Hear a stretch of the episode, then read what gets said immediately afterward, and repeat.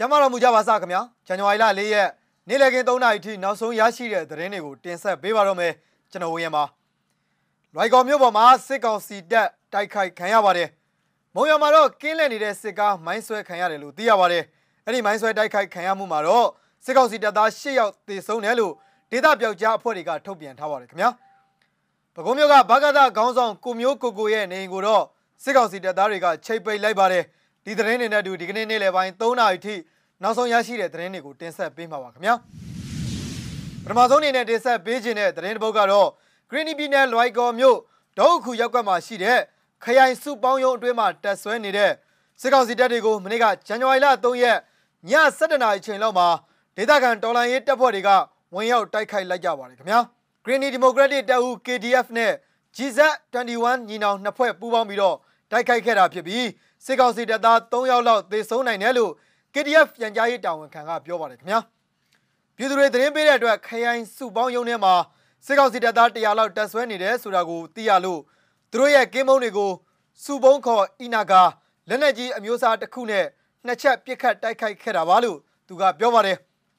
စစ်ကောင်စီတပ်သားတွေကလည်းလက်နက်ကြီး3လုံးစစ်တပ်တွေနဲ့15မိနစ်လောက်ပြန်လည်ပစ်ခတ်ခဲ့ပြီးတဲ့နောက်ဒေသခံဒေါ်လာရင်းတပ်ဖွဲ့တွေအထိကိမရှိပြန်လည်ဆုတ်ခွာနိုင်ခဲ့တယ်လို့သိရပါတယ်ခင်ဗျာ အဲ့ဒီခရိုင်စူပါယုံတွေမှာစစ်ကောင်စီတပ်သားတွေတိုက်ခိုက်ခံရမှုကတော့အခုချိန်နဲ့ဆိုရင်၃ချိန်မြောက်ရှိပြီလေဖြစ်ပါတယ်ဇန်နဝါရီလ၁ရက်နေ့ည7:00နာရီလောက်ကလည်းအဲ့ဒီခရိုင်စူပေါင်းယုံတွင်းမှာတက်ဆွဲထားတဲ့စစ်ကောင်စီတပ်သားတွေတိုက်ခိုက်ခံရပြီး9ဦးသေဆုံးက3ဦးဒဏ်ရာရကြောင်း KDF ထံကသိရပါတယ်ဒီကနေ့ဇန်နဝါရီလ၄ရက်နေ့မနက်ခင်းပိုင်းမှာတော့ Green ပြည်နယ်လွိုက်ကော်မြို့နယ်ဓမော့ဆုံမြို့နယ်တို့မှာတိုက်ပွဲတွေငြိမ်သက်လျက်ရှိကြောင်း KDF ပြန်ကြားရေးတာဝန်ခံထံကနေ သိရပါတယ်ခင်ဗျာနောက်ထပ်သတင်းပုတ်အနေနဲ့မုံရွာမြို့နယ်ညောင်မင်းစောက်ရက်ကွက်နဲ့အမြန်လန်းစုံတို့မှာကင်းလည်နေတဲ့စစ်ကောင်စီကဒီကနေ့ဇန်နဝါရီလ၄ရက်မနက်ပိုင်း6နာရီဝန်းကျင်လောက်မှာမိုင်းဆွဲခံရပြီးတပ်သားရှိဦးသေဆုံးက12ဦးဒဏ်ရာရကြောင်းတိုက်ခိုက်မှုကိုလှုံ့ဆော်ခဲ့တဲ့အဖွဲ့ကထုတ်ပြန်ထားပါတယ်ကင်းလည်နေတဲ့အင်အား20ခန့်ပါတဲ့စစ်ကောင်စီကားကိုဗမိုးကျိုးအဖွဲ့သားတွေနဲ့မဟာမိတ်အဖွဲ့တွေကဗရေဒါမိုင်း6လုံးနဲ့ပူးပေါင်းတိုက်ခိုက်ခဲ့တာလည်းဖြစ်ပါတယ် ဒီမနက်လိုလဲရင်းနေမှာအခါတိုင်းရက်တွေထက်စစ်ကောင်စီတပ်တွေကမုံရွာမှာကင်းမုံတွေချထားတယ်ပြီးတော့ကင်းဘက်ကားတွေလည်းကားနဲ့လှည့်နေတာအဲ့ဒီတက်ကဖောကားနဲ့ကင်းလှည့်လာတဲ့ဒစည်းကိုမိုင်းခွဲတိုက်ခိုက်လိုက်တာပါကင်းထောက်တွေသတင်းပေးပို့ချက်အရစစ်သား၈ယောက်လောက်သေပြီး12ဦးလောက်ဒဏ်ရာရတယ်ဆိုတာကိုပြောနိုင်တာပါလို့ဒေသခံပူပေါင်းအဖွဲ့ပျောက်ကြားတပ်သားတို့ကပြောပါတယ်ခင်ဗျာမုံရွာမြို့မှာဂျမ်ဘတ်စစ်ကောင်စီကဦးစီးကျင်းပမဲ့လွတ်လပ်ရေးနေ့ခမ်းနားကိုတမိန်မောက်တဲ့အနေနဲ့သူတို့ရဲ့ဝစ်ကျင်းတွေနဲ့စစ်စေးရေးဂိတ်တွေကို ပြည်သူတွေရှောင်ကျဉ်သွားလာကြဖို့အနောက်မြောက်လွင်ပြင်တော်လှန်ရေးအင်အားစု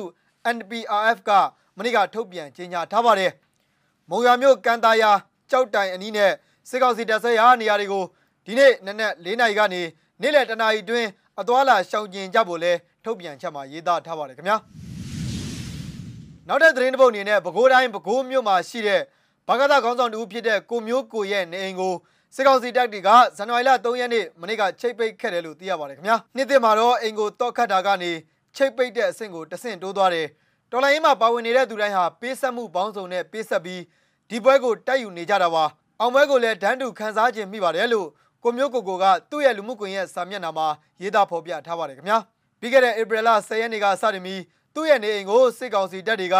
အင်အားတရာကျော်နဲ့လာရောက်ရှာဖွေပြီးအိမ်ထဲမှာရှိတဲ့ရွှေတဲ့ပစ္စည်းအချို့နဲ့ အိမ်ထဲကတန်မိုးကြီးတဲ့အရာတွေကိုသိမ်းယူသွားခဲ့တာပါခင်ဗျာမကြာခဏဆိုသလိုစစ်ကောင်စီတပ်တွေကနေအိမ်ကိုလာရောက်စစ်ဆေးမှုတွေစက်ကြိမ်တက်မနေပြုလုပ်လေရှိခဲ့ပြီးအိမ်ကိုတောက်ခတ်ခဲ့တယ်လို့လည်းမိသားစုနဲ့နှိစက်သူတွေကပြောပါတယ်ခင်ဗျာကိုမျိုးကိုကိုဟာမြန်မာအစ္စလမ်လူငယ်တဦးဖြစ်ပြီးသူ့ရဲ့အကိုဝမ်းခွဲတဦးမှလည်းဧပြီလ9ရက်နေ့ကသူတို့ရဲ့အိမ်ရဲ့လမ်းထိပ်မှာပဲစစ်တပ်ရဲ့အနိကပြစ်တက်ခြင်းကိုခံရပြီးကြာဆုံးခဲ့ရပါတယ်ခင်ဗျာနောက်ထပ်သတင်းကတော့မန္တလေးမြို့အခြေဆိုင် မန္တလေးပြည်သူ့ကာကွယ်ရေးတပ်မတော်ကတပ်သားတွေရဲ့ရုပ်ပုံနဲ့တကွာပြည်သူကိုပန်ကြားချက်၄ချက်ကိုဒီကနေ့ဇန်နဝါရီလ၄ရက်84နှစ်မြောက်လွတ်လပ်ရေးနေ့မှာထုတ်ပြန်လာပါတယ်ခင်ဗျာပန်ကြားချက်တွေမှာတော့သူ့ကြုံဘဝကလွတ်မြောက်ပြီးစစ်ကြုံဘဝကရုံထွက်ကြအကြမ်းဖက်ဆရာနာရှင်စနစ်ဆိုးအဆုံးသက်ရေးလွတ်လပ်ပြီးတရားမျှတတဲ့ Federal Democracy နိုင်ငံပေါ်ထွန်းရေး Federal တပ်မတော်ပေါ်ထွန်းရေးဆိုတဲ့အချက်၄ချက်ပါဝင်ပါတယ်ခင်ဗျာဒီကနေ့နေ့လယ်ပိုင်းရဲ့နောက်ဆုံးသတင်းပုတ်အနေနဲ့ရွှေဘုံမြို့နယ်တဲက ဆရာနာရှင်စန့်ကျင်ဖြုတ်ချရေးတပိတ်စစ်ကြောင်းတစ်ခုကိုလည်းဖွင့်ပြပေးခြင်းပါတယ်ခင်ဗျာ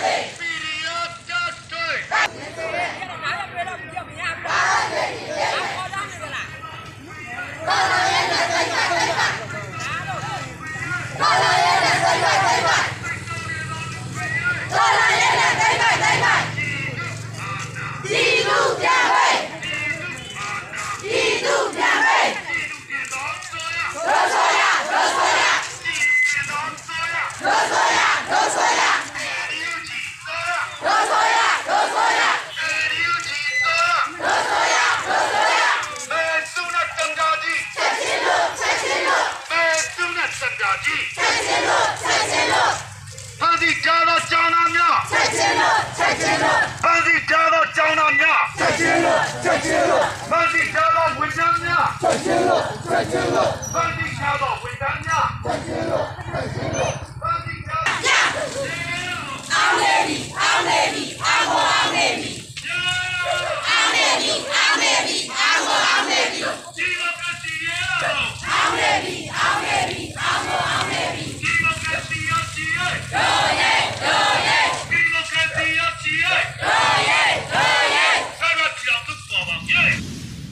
ဇန်နဝါရီလ၄ရက်နေ့လည်ခင်း3နာရီထိနောက်ဆုံးရရှိခဲ့တဲ့သတင်းတွေကိုတင်ဆက်ပေးခဲ့တာပါခင်ဗျာမီဇီမာ TV ကိုစောင့်မျှော်ကြည့်ရှုအားပေးကြတဲ့ပြည်သက်အပေါင်းနဲ့မြန်မာပြည်သူပြည်သားအပေါင်း COVID-19 ကပ်ရောဂါကကင်းဝေးက